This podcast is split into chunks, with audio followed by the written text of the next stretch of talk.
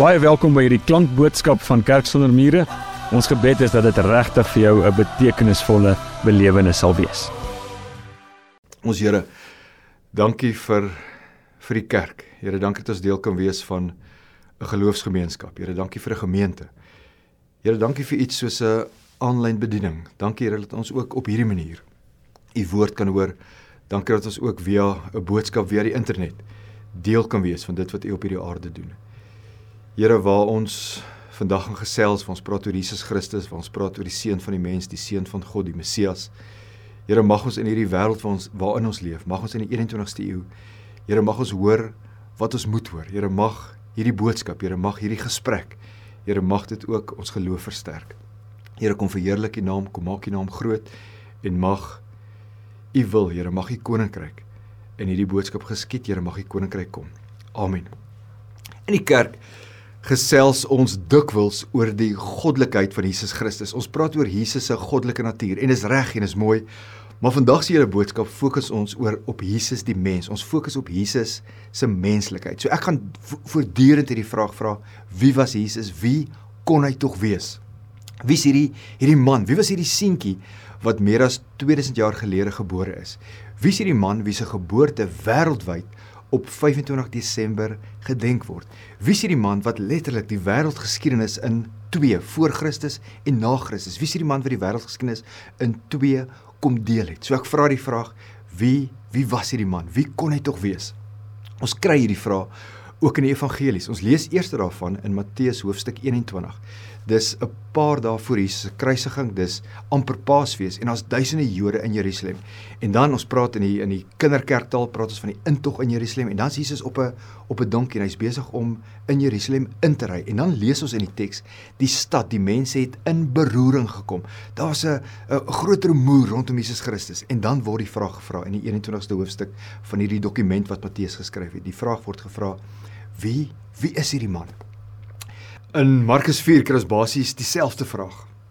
Jesus se volgelinge, sy disippels is in 'n bootjie, hulle is op die see van Galilea en daar's 'n ewige storm op die see.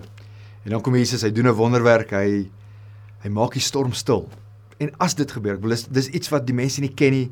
Dis 'n dis 'n bonatuurlike gebeurtenis en dan vra die disippels die vraag: Wie wie kan hy tog wees? Wie kan hy wees dat die golwe, dat die see, dat die wind hom gehoorsaam? 'n Paar jaar gelede in Desember 2013 het Time Magazine 'n lys opgestel van die volgens hulle die 100 mense wat die mees betekenisvolle lewens gelei het. Hulle het dit genoem the most significant people in history. En nou kom jy sommer raai wie wie was die mense? Wie is die mense wat hulle op daai lys geplaas het? Alexander die Grote was daar, Napoleon was daar, Hitler was daar. Albert Einstein was daar, Isaac Newton was daar, Thomas Edison was daar, William Shakespeare was daar, Iemand soos Galileo, Galileo het die lys gemaak. Maar die vraag vir vandag is wie wie was nommer 1? Wie volgens Time Magazine wat 'n uiters sekulêre publikasie is, wie volgens hulle was die mens wat die mees betekenisvolle lewe gelei het en die mens wat hulle gekies het, die mens wat hulle aangewys het, was Jesus van Nasaret, die seun van 'n skrynwerker, die seun, die seentjie van Maria. Wie wie was Jesus as mens? Wie kon hy tog wees. Daar's 'n man in Amerika, Prof Jerislav Pelikan. Hy sê en hy sê dit op 'n op 'n nederige manier. Hy sê dit maak nie saak wat jy van Jesus van Nasaret dink nie, dit maak nie saak wat jy van hom glo nie. Hy is die mees dominante invloed op die westerse kultuur die afgelope 2000 jaar. Wie was hierdie man? Wie kon hy tog wees? As ek en jy na 'n wêreldkaart kyk, kan ons dan nie kan ons nie na die kaart kyk sonder om herinner te word aan Jesus van Nasaret of sonder om herinner te word aan een van sy volgelinge nie. As ons in die uithoeke van die aarde begin, is daar 'n stad in Nieu-Seeland soos Christchurch. Hoekom is daar 'n Christchurch? Hoekom het die mense in Nieu-Seeland 'n stad na hierdie mens vernoem? In Rusland is daar 'n St. Petersburg vernoem na die leier van die disippels. In Skotland is daar St. Andrews. Daar's 'n St Mary, daar's 'n St Paul in die FSA. Ek het so 3 dae gelede my seentjie in die bed gesit en bo sy bed is 'n wêreldkaart. Ek sien daar's ook 'n St Paul eiland iewers tussen Suid-Afrika en Perth. In Tasmanië is daar ook 'n St Mary.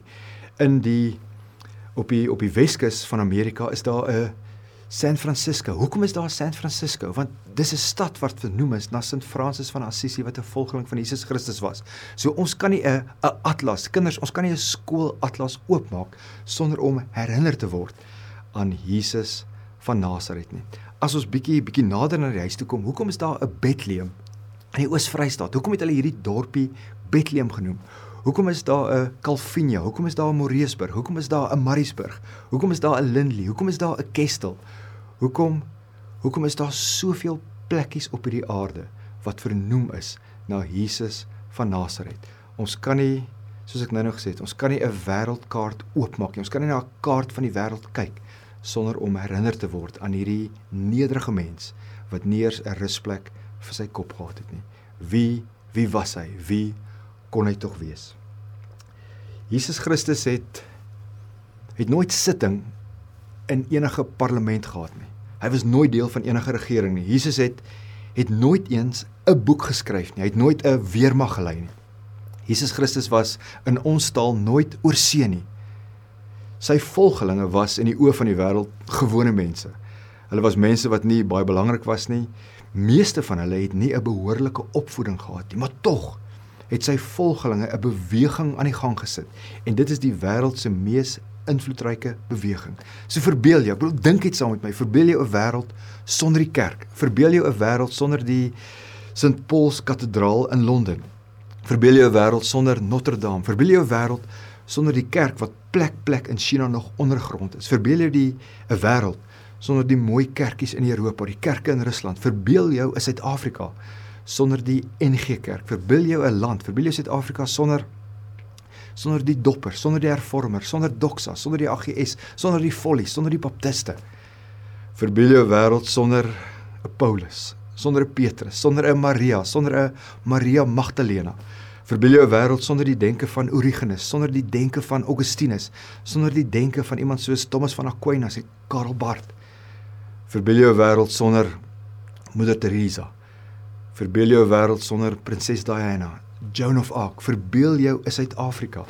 Ek dink nou vir al hier in die tyd van die ou Suid-Afrika en die nuwe Suid-Afrika. Ver, verbeel jou Suid-Afrika sonder 'n 'n Desmond Tutu, sonder 'n F.W. de Klerk, sonder 'n Nelson Mandela. Wie wie was hierdie man? Wie kon hy tog wees? In die in die tyd waarin Jesus geleef het, in die eerste eeu, het die wêreld bestaan uit 'n klomp verskillende groepe. Daar was lande, daar was nasies, daar was 'n klomp rasse, daar was politieke partye, daar was filosofiese skole. Daar was daar was Jode, daar was nie Jode en figuurlik gesproke was daar baie hoë mure tussen hierdie klomp diverse groepe. Hulle het figuurlik gesproke het hulle in silo's geleef. Maar dan lees ons in Kolossense 3 'n baie interessante iets oor die kerk. Paulus sê vir ons: Hier en hy praat van die kerk, die eklesia. Hier is dit nie van belang of iemand 'n Griek of 'n Jood is nie, of hy besny is en of hy nou nie besny is nie, of hy andertalig is of hy onbeskaaf is of hy 'n slaaf is en of hy vry is nie. Hier is Christus alles en in almal. So wat belangrik is, voor Jesus Christus was daar in die wêreld, daar was nie 'n samekoms, daar was nie 'n 'n gemeente, daar was nie 'n organisasie wat oop was vir mense van elke taal, van elke groep, van elke ras, van elke geslag, van elke klas nie. Die wat interessant is, die idee van so 'n organisasie het nog nie eers bestaan nie. En toe gebeur dit. In in Christus, in Jesus van Nasaret kom mense van uiteenlopende groepe, mense met uiteenlopende persoonlikhede bymekaar. Dink aan dink aan die volgelinge van Jesus Christus. Dink aan die volgelinge van Jesus Christus van wie jy al gehoor het. Dink aan hulle verskillende geaardhede. Bill Clinton, Barack Obama, die van wat lief is vir musiek. Dink aan Bono van U2. Dink aan Billy Graham. Corneille Krige, Denzel Washington, Elvis Presley. Dink aan Martin Luther King. Dink aan Mel Gibson, Mr T van die A-Team. Konstantin, Koningin Elizabeth II. Olivia Newton-John, Tom Hanks, T.S. Eliot, C.S. Lewis, J.R.R. Tolkien. Dink aan Johannes Calvin, Johannes die Doper. Dink aan Johannes wat die die liefling disipel van Jesus was. Johannes wat baie keer op Saterdag in jou tuin werk. Wie wie was hierdie mens? Wie was hierdie man? Wie was Jesus van Nasaret? Dat hy mense van soveel verskillende agtergronde, dat hy mense uit elke taal, ras, klas, gesag, geslag bymekaar kan bring. Wie kan hy tog wees? In die in die wêreld waarin Jesus gebore word, gebore is, was daar baie bloed. Dit was 'n wrede wêreld, dit was 'n barbaarse wêreld. Jesus se visie van hoe dinge kan wees, het egter alles kom verander. In die wêreld waarin Jesus Christus gebore is, is kinders nie regtig geag nie. Die Romeinse skrywer Seneca sê vir ons as 'n babatjie by geboorte 'n gebrek gehad het of as hierdie babatjie swak was, kon jy die babatjie verdrink het. Ons weet ook in die antieke tyd het hulle vir ons geleer In die antieke tyd is daar gesê as jou babatjie die verkeerde geslag was, dan kon jy die babatjie buite op die ashoop gelos het. Maar tot op 'n dag, op 'n dag het daar 'n 'n Joodse rabbi gekom en hy het gesê laat die kindertjies na my toe kom. En Jesus Christus het die lot van kinders wêreldwyd verander. Hoeveel kinderhuise, hoeveel weeshuise is nie in die naam van Jesus Christus gebou nie? Hoeveel kinderhuise, weeshuise is in sy naam nie opgerig nie? Dink aan weduwees en dink aan die die lot van weduwees. Daar's antieke bronne wat sê weduwees is belas omdat hulle 'n las was op die samelewing. Jesus Christus hang aan die kruis. Hy het nog nie gesterf nie en sy ma staan voor hom en hy en hy kyk vir sy vriend, hy kyk vir Johannes en hy sê vir Johannes, "Daar is jou ma." En hy sê vir sy ma, "Daar's jou seun." Hy tref reëlings sodat sy ma versorg kan word nadat hy nie meer op die aarde is nie. Wie wie was hierdie man wat die lot van kinders, wat die lot van vroue verander het? In die eerste 200 jaar van die geskiedenis van die kerk was daar twee baie groot pandemies. Van die navorsers sê vir ons tussen 25 en 33% van die wêreldbevolking is uitgewis.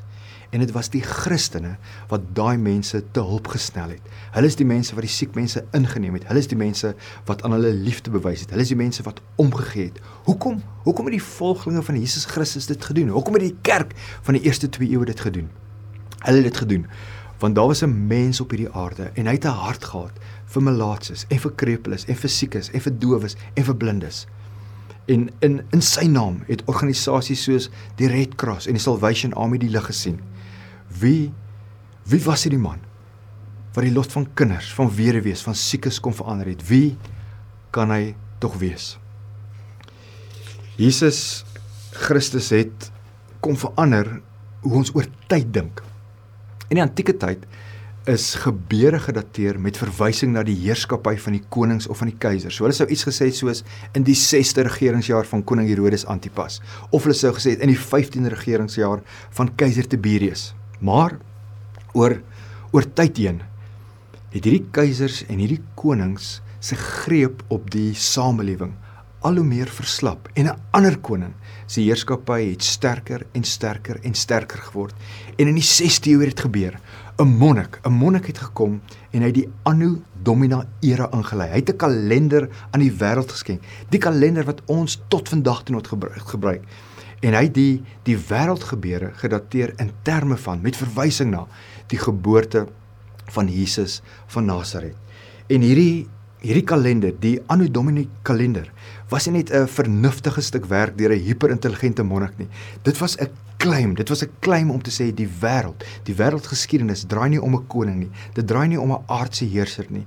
Dit draai om 'n mens, dit draai om die man, Jesus van Nasaret. So vandag sê ons, keiser Nero het gesterf in die jaar 68 AD. Hy het gesterf in die jaar 68 van ons Here.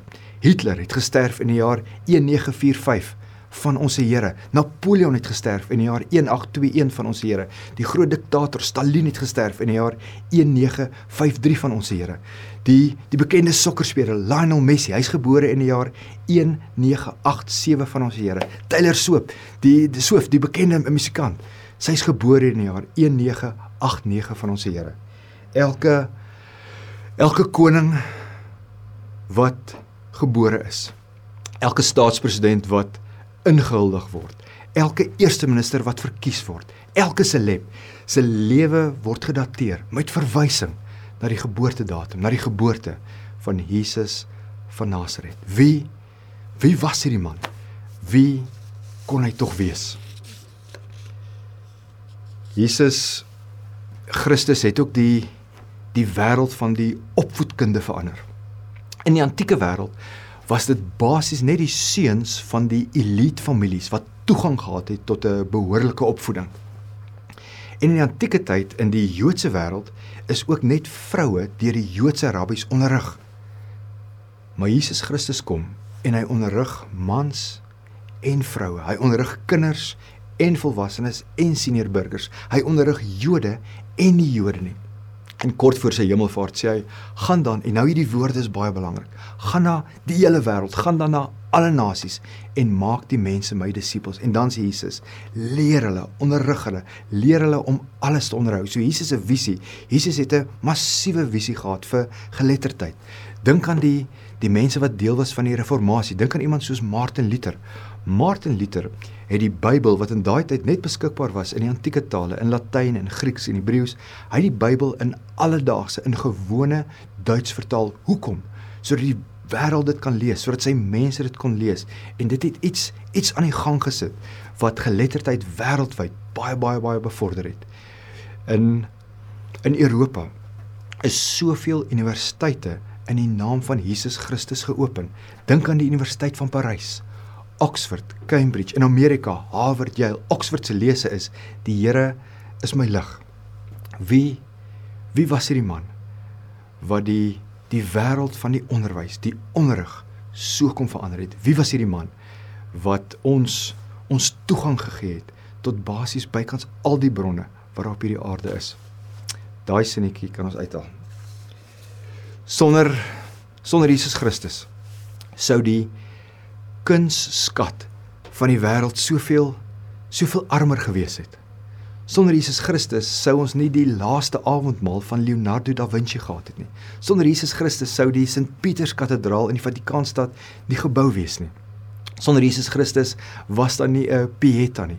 Sonder Jesus Christus sou ons nie Andrew Lloyd Webber se P Jesu gehad het nie. Ons sou nie die Halleluja kore gehad het nie.